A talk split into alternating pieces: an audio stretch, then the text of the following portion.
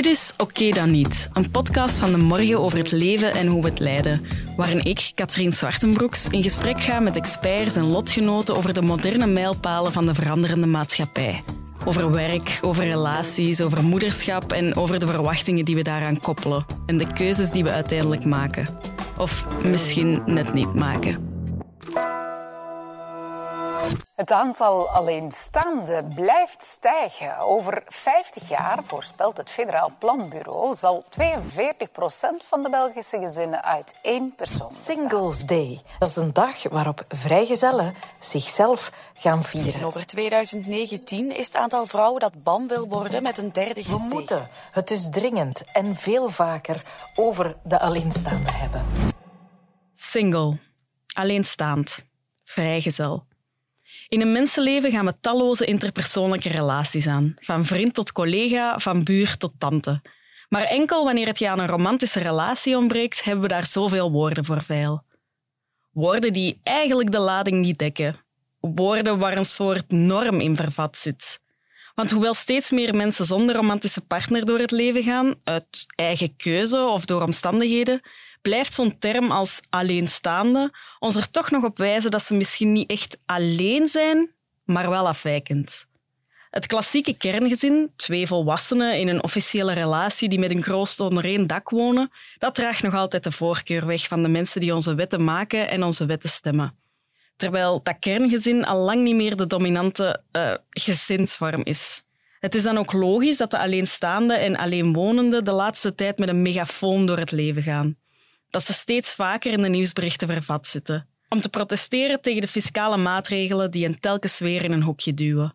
Om aandacht te vragen voor hun situatie. De single is heel lang een onzichtbare groep geweest. Dus elke flits van zichtbaarheid is denk ik een goede zaak. Ik denk dat ze op dit moment in het nieuws zijn omdat de statistieken aantonen dat ze groeien.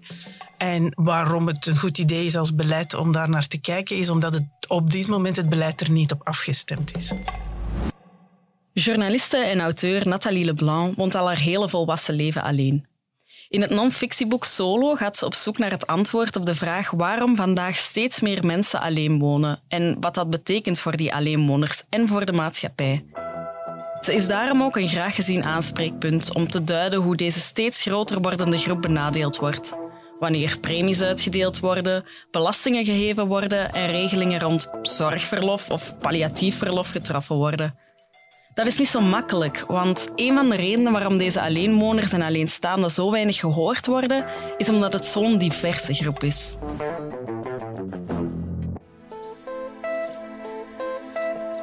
Als je het woord single zegt, dan denken de meeste mensen aan een vrij cliché beeld. Iemand ergens tussen de 25 en misschien de 45 die een vrolijk, vrij leven maar ook 18-jarigen die thuis weggaan omdat het daar niet fijn is en alleen wonen zijn singles. En ook uw oma van 82 die weduwe is, is in principe single. En iedereen die in die groep zit, identificeert zich niet noodzakelijk als ik ben single. En, en daarom is het denk ik een groep die zo onder de radar blijft, want ze zien zichzelf niet als één groep. Ook al hebben ze natuurlijk wel een aantal dingen gemeen.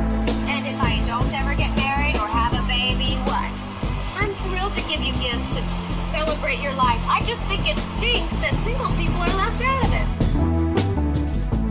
De norm is nog altijd huisje, boompje, beestje. Het trouwe kinderen krijgen als je dat niet doet. Of als je dat wel doet, maar het lukt niet en je doet het nog eens en nog eens.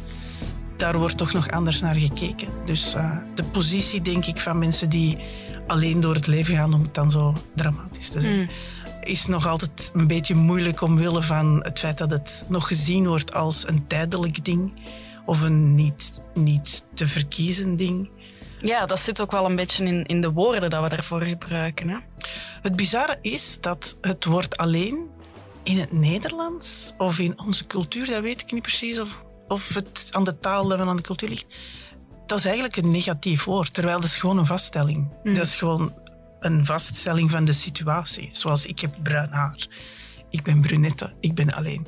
Toen ik een titel moest kiezen voor mijn boek, dan is er heel veel gediscussieerd, want het woord alleen mocht er onder geen voorwaarden in, want dat klinkt zo zielig.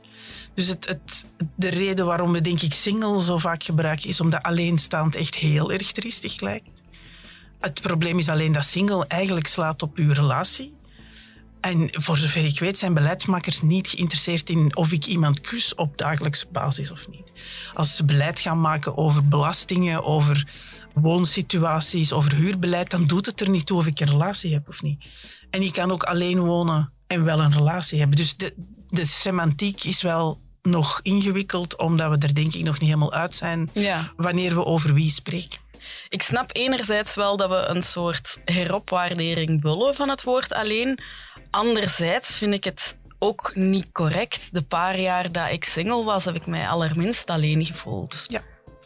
Het, het grappige was, ik heb een boek geschreven over alleenwoners en mijn conclusie is dat we dat vandaag kunnen doen omdat we in een maatschappij leven die ons dat toelaat om, ondanks het feit dat je geen relatie hebt en geen familie begint, bijvoorbeeld, je toch een soort gekozen familie hebt en, en je woont in een stad die als een soort grote woonkamer fungeert, dat soort dingen. Dus mijn conclusie was, we wonen wel meer alleen, maar we zijn eigenlijk sociaal.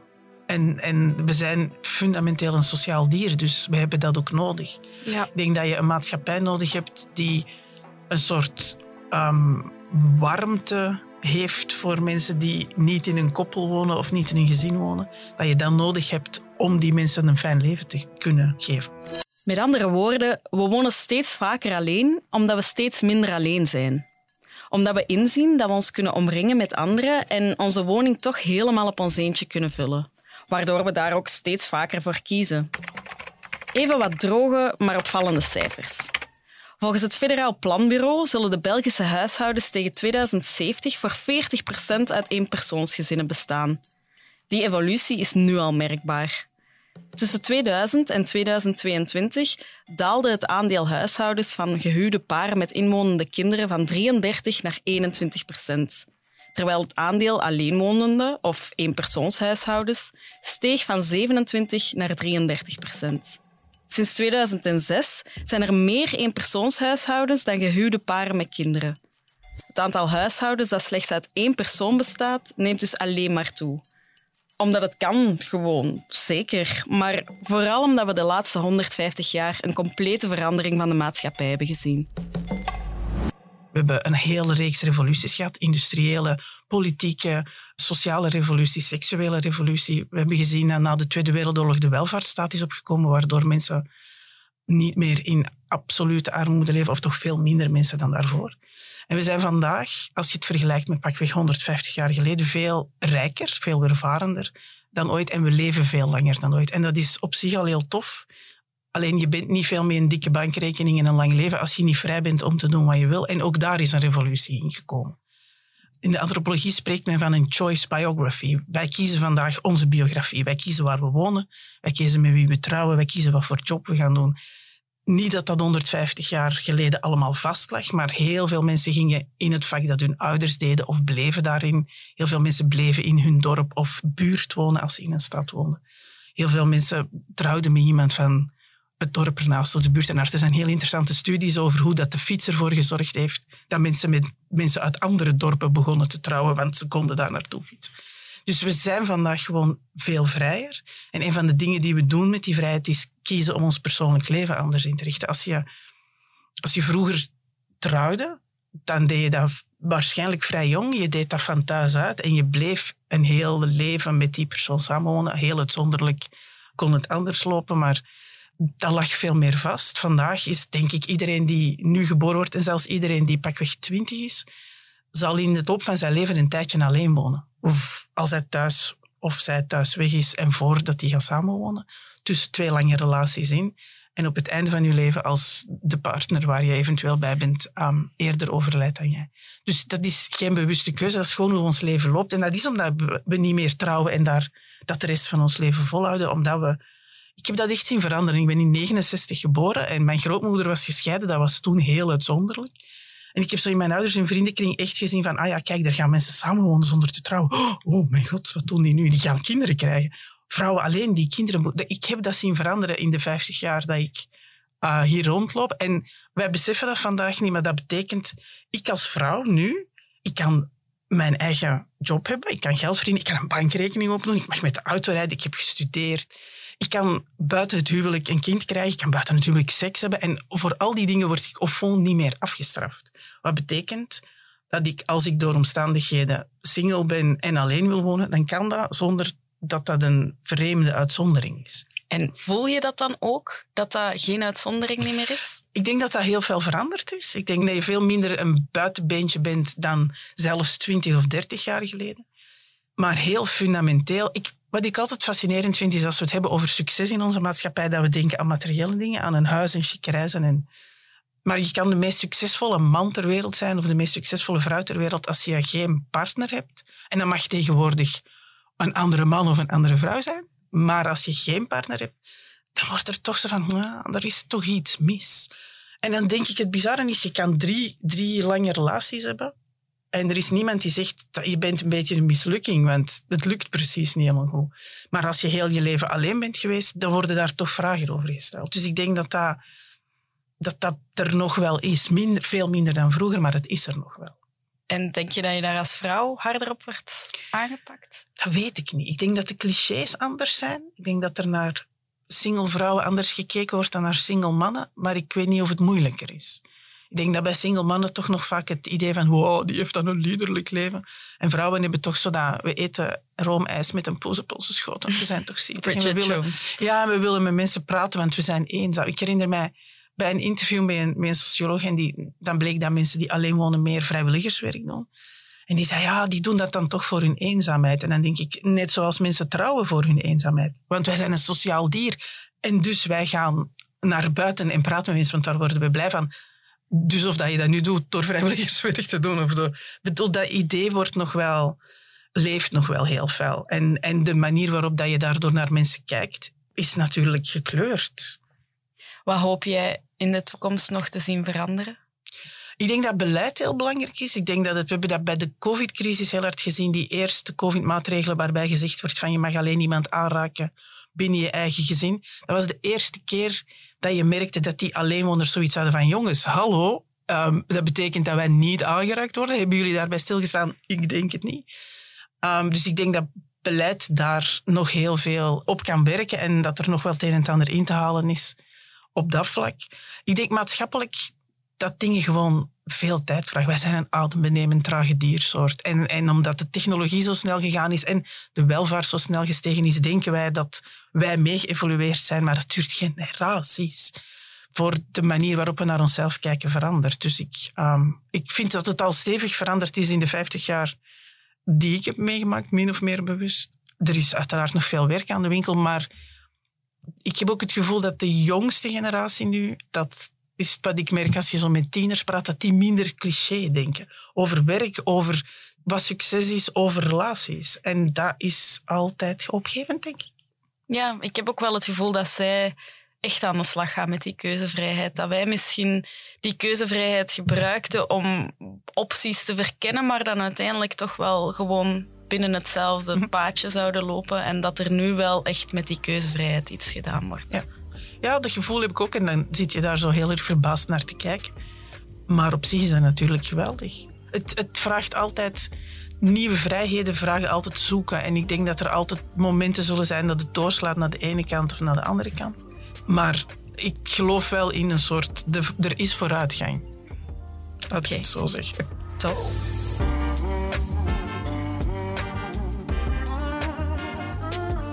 Wanneer de romantische relatie niet meer de spil van ons bestaan is, is het logisch dat andere relaties aan belang winnen. Dat we die zijn gaan heropwaarderen. Ook dat is zichtbaar in de media. De laatste maanden verschenen er verschillende grote stukken over hoe je een vriendschapsrelatie moet beëindigen, bijvoorbeeld. Ook bij ons in de morgen. Dingen waar we ons nooit eerder zo openlijk vragen over stelden, dingen waar voorheen eigenlijk ook geen protocol voor was, maar waar we vandaag van beseffen ook dit zijn belangrijke relaties. En als dat belangrijke relaties zijn, dan horen ze best ook wel thuis in de katern seks en liefde. En misschien moeten we daarvoor ook langs bij een relatietherapeut. Dag Wim. Hey, goedemiddag. Ik zit in de praktijk van relatietherapeut en seksuoloog Wim Slabbink in Gent. Hij werkt natuurlijk voornamelijk rond liefdesthema's, maar die onderwerpen zijn niet voorbehouden aan koppels. Ongeveer een derde van zijn cliënteel is vrijgezel. Ook ik zocht een paar jaar geleden na afloop van een lange relatie een relatietherapeut op. Niet omdat ik meteen weer in een nieuwe flirt wou duiken, maar omdat ik na acht jaar plots weer een relatie met mezelf en met mijn omgeving moest aangaan. Mezelf moest herontdekken ook, zowel als persoon als potentiële partner. Wat ik echt wou. Vragen die mensen zich op de bank bij Slabbing meer en meer beginnen te stellen.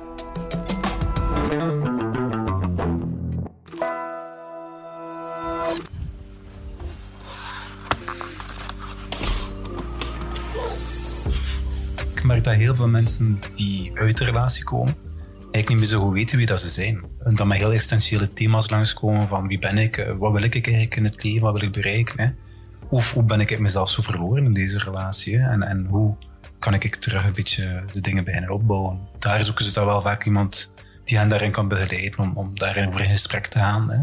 Ja, en dat zijn soms heel mooie verhalen die ze afspelen. Ik herinner me het verhaal van een man dat ik... Paar jaar geleden begeleid had. Ik kwam er binnen de eerste sessie en die zei... Ja, Wim, ik heb maar één droom en dat is een partner Dus die dat was een single man, die nog nooit een relatie had. Maar we zijn nu een paar jaar verder en ondertussen heeft hij nu wel een gevuld sociaal leven, heeft hij wel een goede omgeving hè, en, en is hij nu op het moment gekomen te zeggen, ja, die partner is voor mij geen must meer geworden.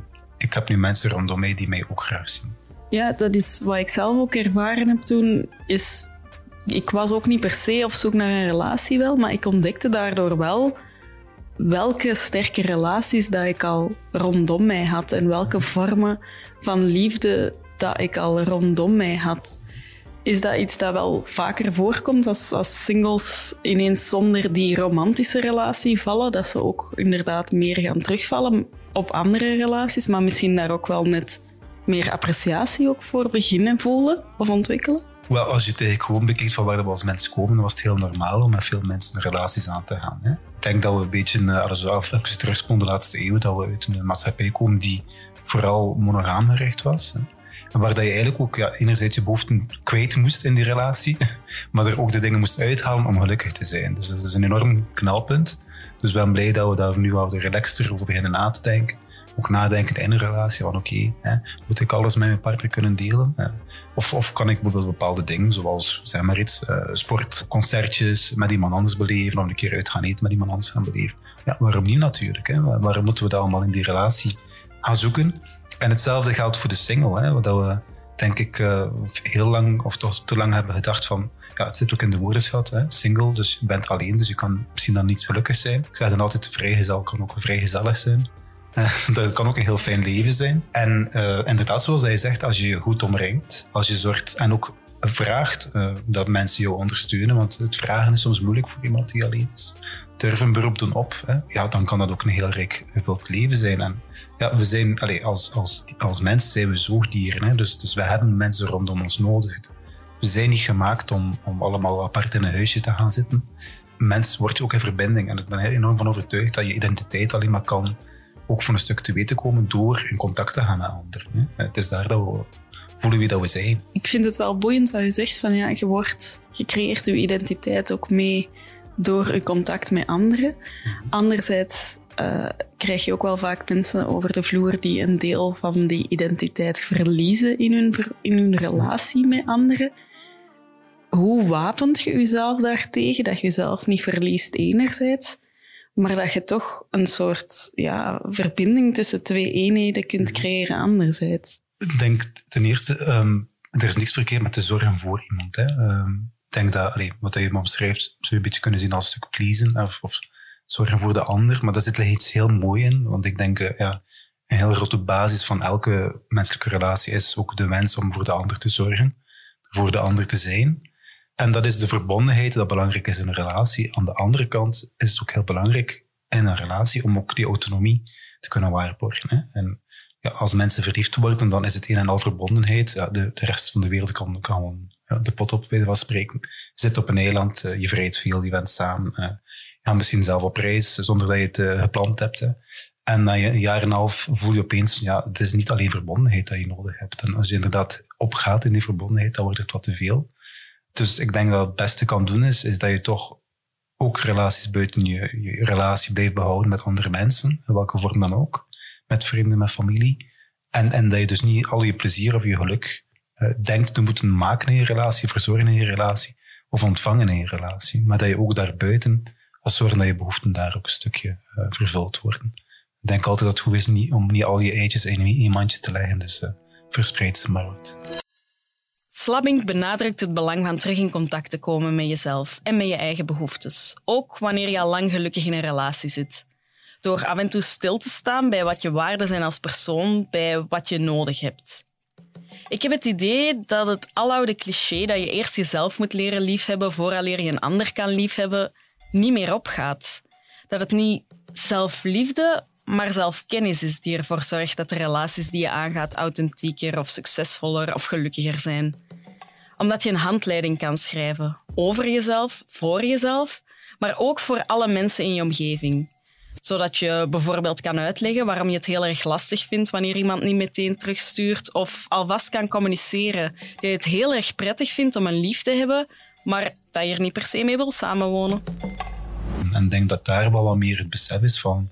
Ja, het is niet een relatie die ons gelukkig maakt. Het is niet een relatievorm die ons gelukkig maakt. Nee, we moeten eigenlijk ervoor zorgen dat we ja, dat geluk kunnen blijven vinden in die relatie. En dat is niet gegeven. Hè. Uh, ik zie veel mensen die in een relatie net heel eenzaam zijn, die um, geen bevestiging ontvangen, niet gezien worden. Uh, uh, dus ja, het is in die zin gewoon heel belangrijk om, om daar wel naartoe te gaan en te gaan voelen van oké, wat kan ik zelf doen of samen met mijn partner doen als ik een relatie heb. Om daarvoor te zorgen dat ik wel meer gezien word of dat we elkaar meer zien. Hè? Dat we opnieuw goede interacties met elkaar kunnen aangaan. Um, en ik denk dat dat inderdaad goed is ook dat er daar wat meer beweging op zit. Er zijn andere therapeuten die daar wat weigerachtig tegenover staan. Maar dat begrijp ik eigenlijk niet goed. Want als je kijkt naar de, uh, de culturele geschiedenis van de, van de mens, is dat eigenlijk in een al diversiteit geweest. Dus ja, is er een vorm die uh, meer kans heeft om geluk te bieden? Ik ben er eigenlijk absoluut niet van overtuigd. Integendeel.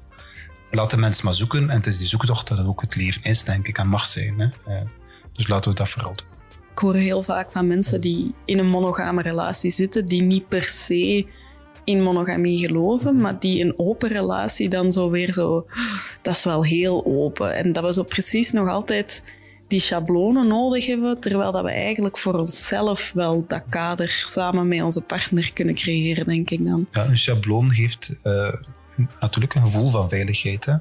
Het geeft het idee dat je in een huis stapt dat al gemaakt is, dus je moet niet meer denken over de fundamenten of over de kamertjes die zijn er al. De bedoeling is eigenlijk gewoon dat je erin gaat zitten en het leven leidt. Alleen komt er misschien wel een keer iemand anders voorbij dat schabloon gewandeld, die ook wel leuk of interessant is. Ja, en mensen blijven ook veranderen hè, doorheen een relatie. Dus het is niet omdat een schabloon veilig en comfortabel is als je 20 bent, dat dat dan nu 25 of 30 nog altijd zo is. Het enige wat ik weet is dat heel veel mensen die in een relatie stappen, de absolute wens wel hebben om, om ja, een liefdevol leven met iemand te kunnen uitbouwen. En ik denk wel dat, als je het dan puur vanuit het exclusief monogame uh, perspectief bekijkt, ja, dat je dan wel dat heel veel druk op die ketel zet. Uh, omdat er heel veel uit die relatie moet gehaald worden. Dus als we dat een beetje kunnen verzachten of wegmasseren door ook wat meer uh, ja, de vriendschapsrelaties aan bod te laten komen, super. Hè? Maar aan de andere kant zie ik dat dat nog niet evenwaardig is aan liefdesrelaties. Want als ik kijk naar de aanmeldingen hier in de praktijk, redelijk grote praktijk, dus zie wat er binnenkomt. Als er één op twee op de duizend aanmeldingen over vriendschapsrelaties gaan, dan is dat al veel. Relatie of werken aan een relatie, ja, dat doen we bij therapeuten, maar werken aan een vriendschap, dat hoeft gelijk niet. Dus dat vertelt ook veel over hoe we die klasseren en taxeren, denk ik. Terwijl dat er heel veel mensen zijn die heel veel uh, waardering, liefde, bevestiging halen uit die vriendschapsrelaties. En omgekeerd ook uh, mensen die uh, hun leven hard werken en dan aan hun vijfde bijvoorbeeld opeens in een grote ontslagronde terechtkomen, opeens merken van oei, er is eigenlijk niks, uh, er is niemand die op mij wacht. Hè. Dus denk ik heel goed om daar wat meer uh, waardering naartoe te brengen. Want allee, vrienden zijn ook heel vrij uniek in die zin dat die toch wel vaak hun leven lang bij je kunnen blijven. En eigenlijk een uniek inzicht uh, of een unieke partners in crime zijn eigenlijk om je leven mee te, te, gaan doormaken. Niet dat dat moet ook, hè, dat dat heel het leven zo is, maar het, het kan wel zo zijn. Dus het kan heel veel uh, um, ja, inhoud en context aan je leven ook verschaffen, denk ik. Ja, ik zou nog heel graag even willen terugkomen op die cliënt dat je had. Dat je zei van ja, In het begin was een relatie, een romantische relatie, voor hem heel belangrijk. Maar toen hij dan de andere relaties in zijn leven ging ontdekken, was dat wel iets dat een kers op de taart zou kunnen zijn, maar niet de taart zelf.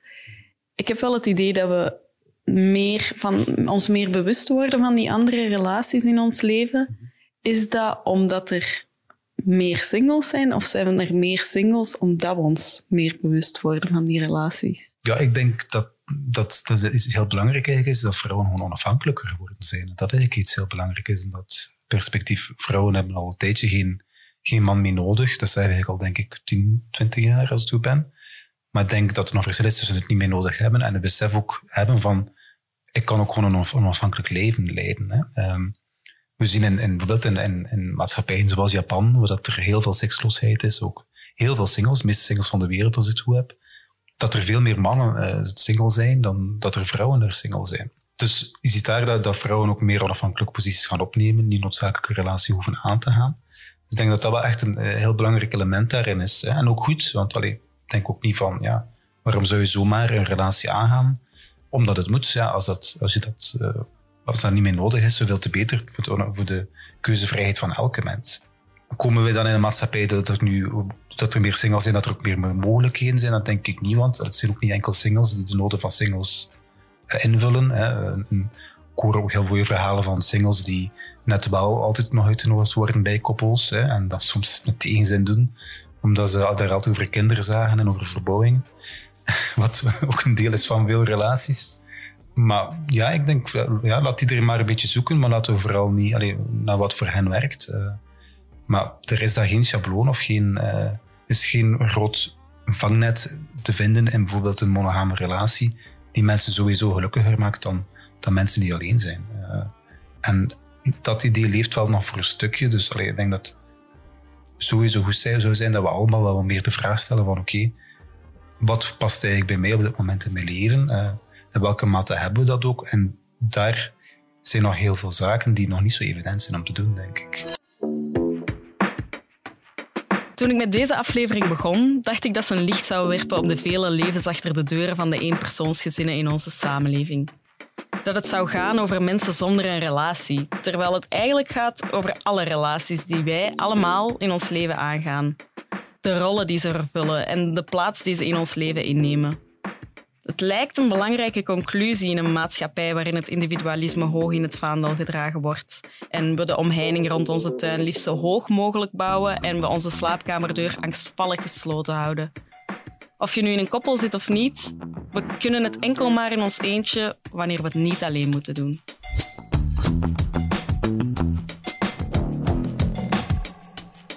Dit was Oké dan niet, een podcast van de morgen die ik nooit alleen had kunnen maken. Bedankt dus Carolina Petit voor de productie, Dries Vermeulen voor de montage en Sam Fijs voor eindredactie. En mijn interviewees uiteraard voor hun tijd. Als u wil reageren, dan kan dat, liefst niet in all caps, via podcast.demorgen.be. Bedankt voor het luisteren.